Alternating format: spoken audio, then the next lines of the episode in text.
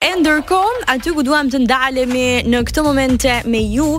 janë tre materiale muzikore, të cilat kryesojnë tre prej um, listave, platformave, klasifikimeve apo vlerësimeve muzikore në gjithë botën dhe është në fakt një luftë e madhe për t'u përfshirë në këto platforma e aq më tepër që të arrish t'i kryesosh me numrin e lartë të shpërndarjeve, klikimeve e më pas patjetër dhe me fitime monetare. Për t'u ndalur Tek një prej platformave e cila vitet e fundit e ka ridimensionuar mënyrën e të dëgjuarit dhe shpërndarit muzikë dhe mbi të gjitha vlerësimit të artistit për sa i përket çështjes së fitimprurjes së çdo projekti, madje çdo fundvit secili artist me egon e tij që arrin ta kënaqë çdo vit e më shumë ose ndoshta hera-herës edhe më pak,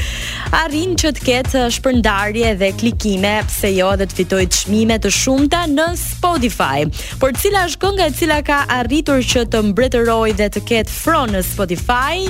në rrymën muzikore rap. Bëhet fjalë për një bashkëpunim i ardhur 5 vite më parë nga Post Malone dhe 21 Savage, asokohe Post Malone ishte vetëm 23 vjeç, por arriti që të krijonte këngën definuese të karrierës së tij Rockstar, një këngë e cila arriti që të ishte jo vetëm në krye të klasifikimeve botërore, por për 8 javë në krye të më të mirave të Billboard Hot 100. Gjithashtu vazhdon të mbajë kurorën si kënga e cila numëron rreth 3 biliard uh, ose billion ose miliard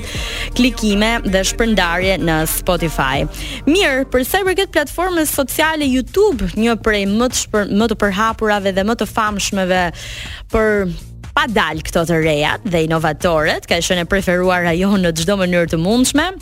Kënga në versionin rap, e cila uh, kryeson me numrin më të lartë të dëgjimeve dhe shikimeve, duke qenë se YouTube mundëson edhe shikimin e videove, është bashkëpunimi i Charlie Puth me Wiz Khalifa që është edhe soundtracku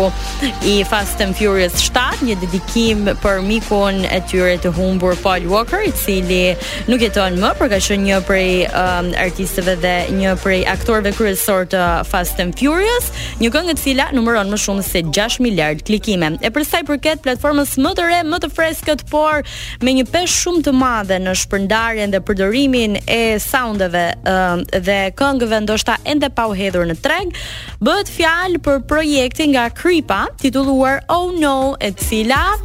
ka jo pak por 18 milion përdorime nga e gjithë bota të këtij soundi. Kryesisht është përdorur uh, për video të cilat uh, kanë të bëjnë me një dështim apo me një humbje, por në mënyrë humoristike.